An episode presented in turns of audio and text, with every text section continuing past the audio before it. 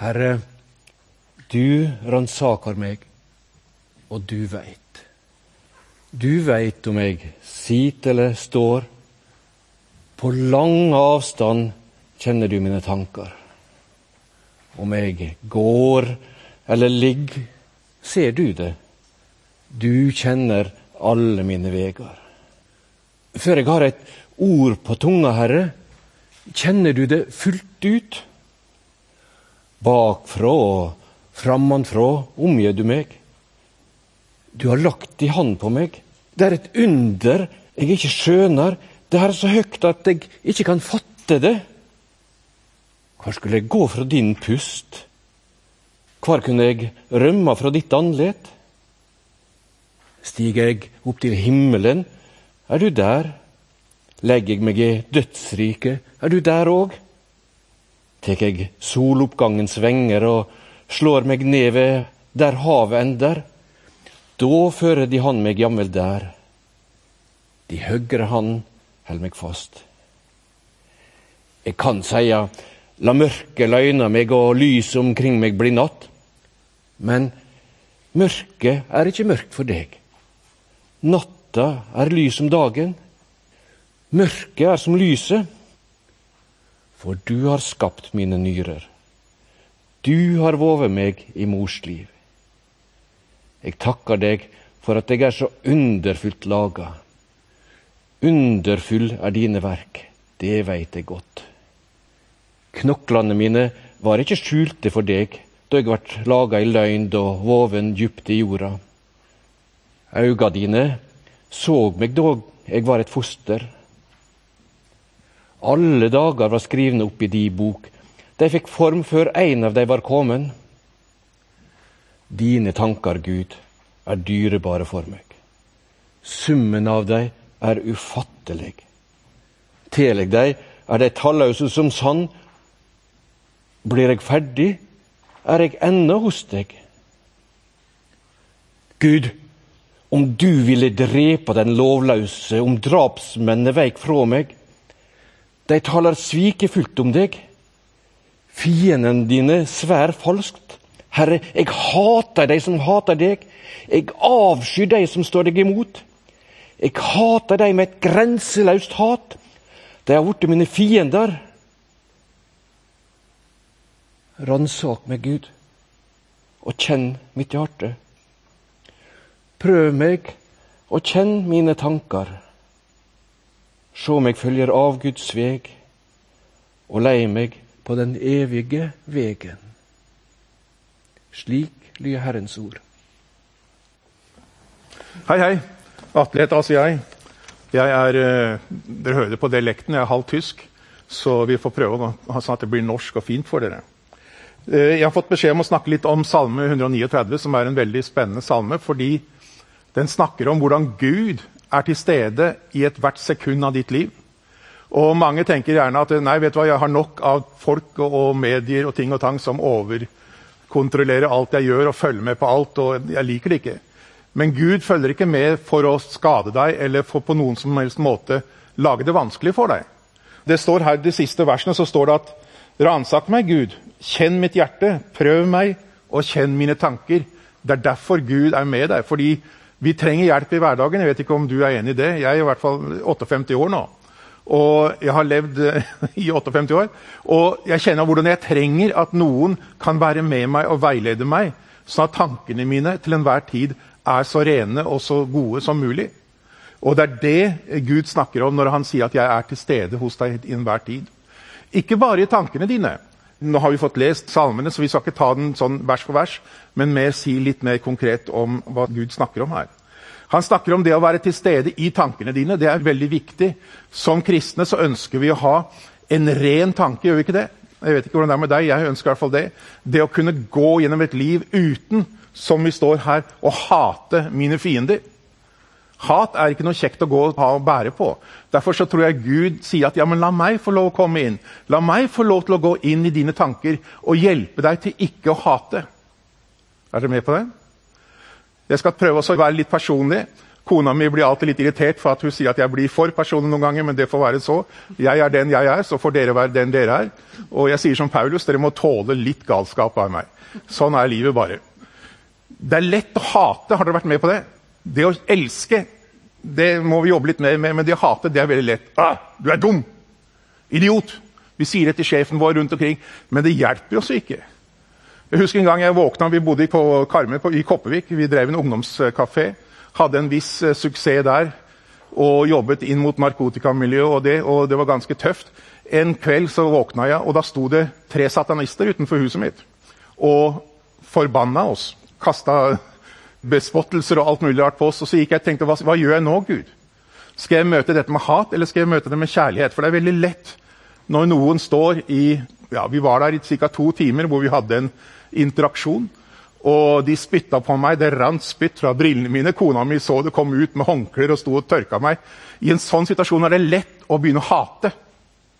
Det er lett å begynne å si at vet du hva, din Nå Skal jeg prøve å ikke si noe stygt her? Nå må du bare se og komme deg av gårde.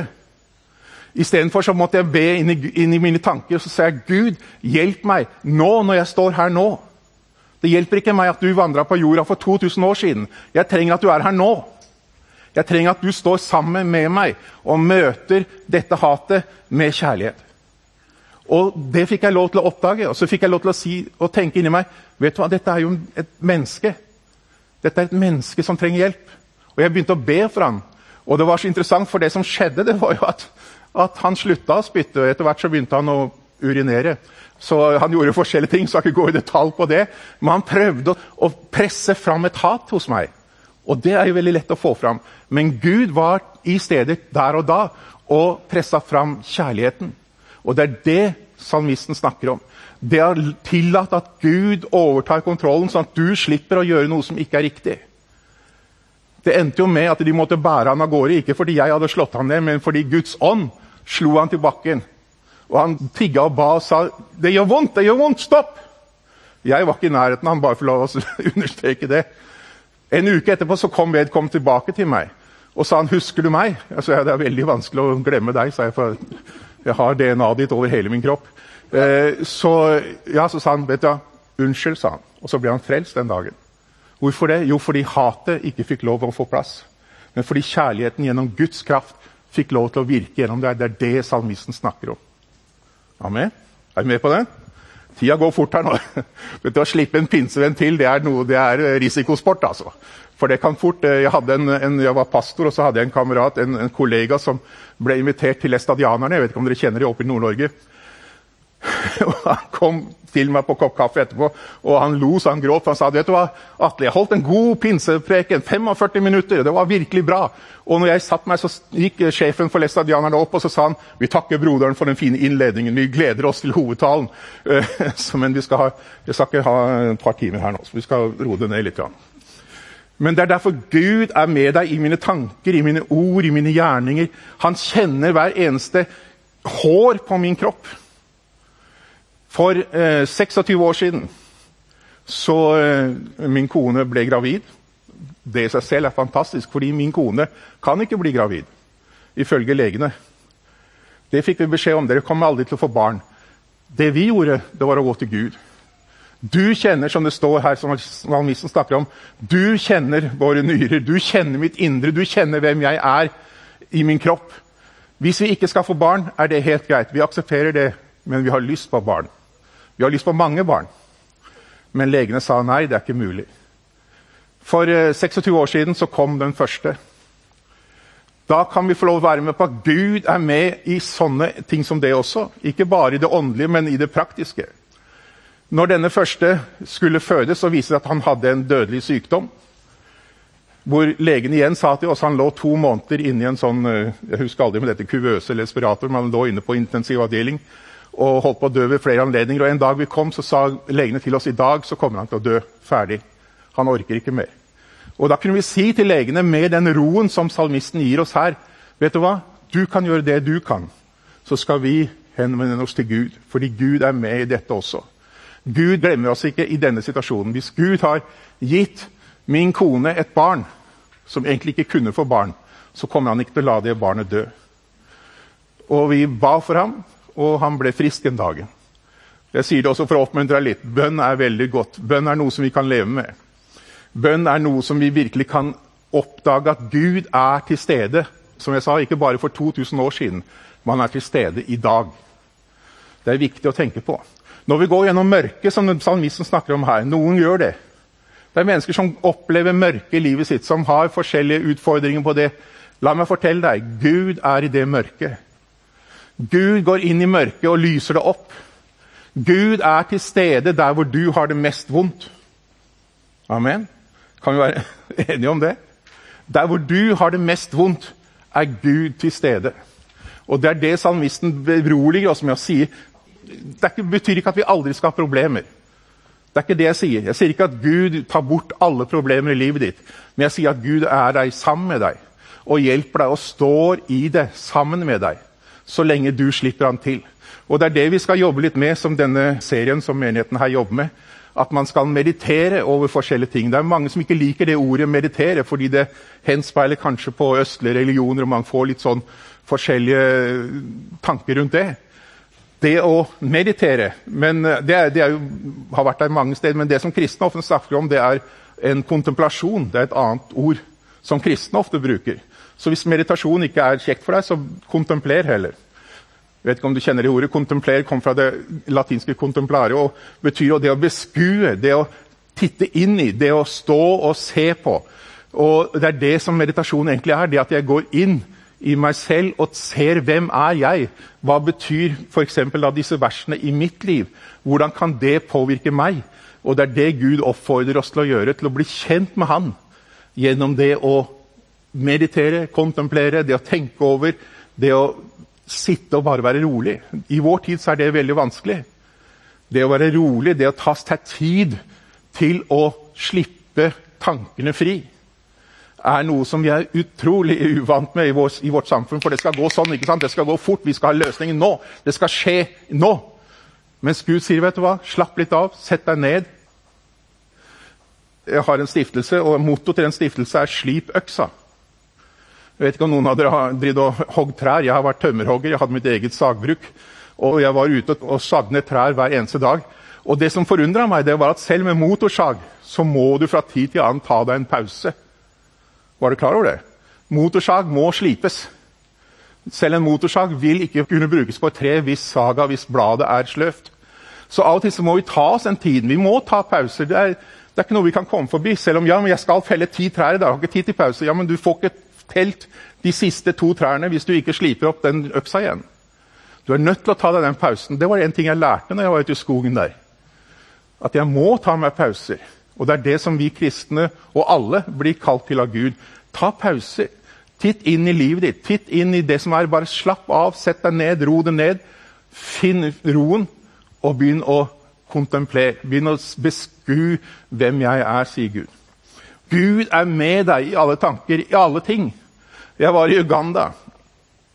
Veldig interessant. Jeg vet ikke om dere har vært i Uganda. Uganda er et uh, interessant land. Og jeg hadde alltid sjåfør når jeg kjørte i Uganda, for at det var ville tilstander på veien. Og jeg tenkte ok, jeg har mer enn nok uh, å tenke på om jeg ikke skal ta ansvar for det også. Det hadde jeg en sjåfør. Han kjørte meg overalt. Og vi var på vei fra Kampala over til Kenya, hvor vi hadde hovedkvarteret vårt. Og vi i, kom gjennom en lang skog hvor det bare var skog og skog og skog. Og så plutselig så sto noen militærfolk foran oss og stoppa bilen. Og så sa, når, når sjåføren min sa, så de, så sa han vet du, Atle, nå må du holde munn. Du får ikke lov å si et eneste ord. Jeg kjenner deg fra før. Du har lett for å kunne si ting. Ikke si noe. Hvis du sier et ord nå, så kommer disse gutta til å drepe oss. Det er garantert. Det er helt vanlig. Så jeg måtte inn igjen og snakke med Gud og si vet du hva, Gud, nå må du ta over her. For hvis jeg bare skal styre meg sjøl, så kommer jeg til å si noe til de gutta. her. for jeg, jeg liker ikke å, å, stå foran en uh, maskingeværmunning og bli trua på penger. Og igjen, så hvordan kunne kjenne hvordan Gud kom inn i situasjonen.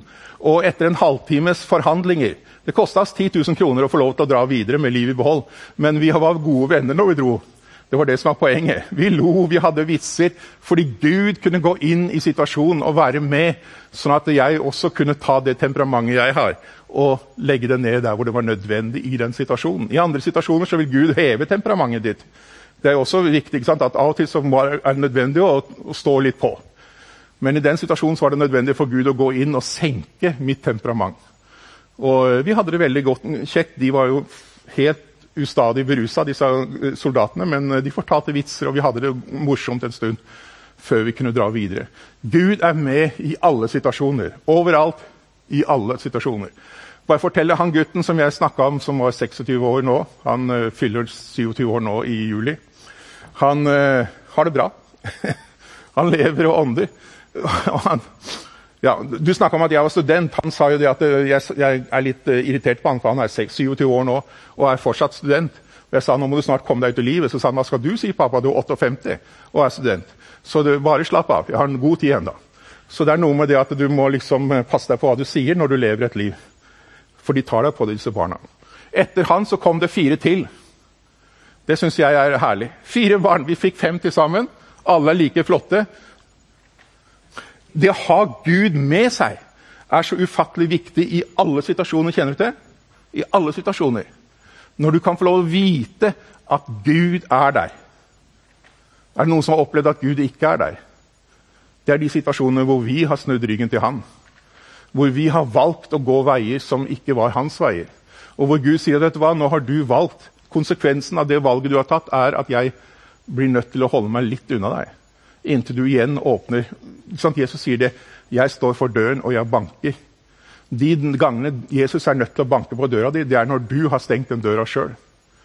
Hvis du går og åpner den døra, så vil jeg komme inn og ha måltid med deg. Jeg vil være sammen med deg. Jeg vil delta i ditt liv men jeg er avhengig av at du åpner den døra sjøl. Og Derfor vil jeg oppfordre hver enkelt av dere som sitter i den situasjonen dere måtte sitte i, om du er kristen eller ikke kristen, åpne døra. La Jesus få lov til å komme inn og ha måltid med deg. Guds fred.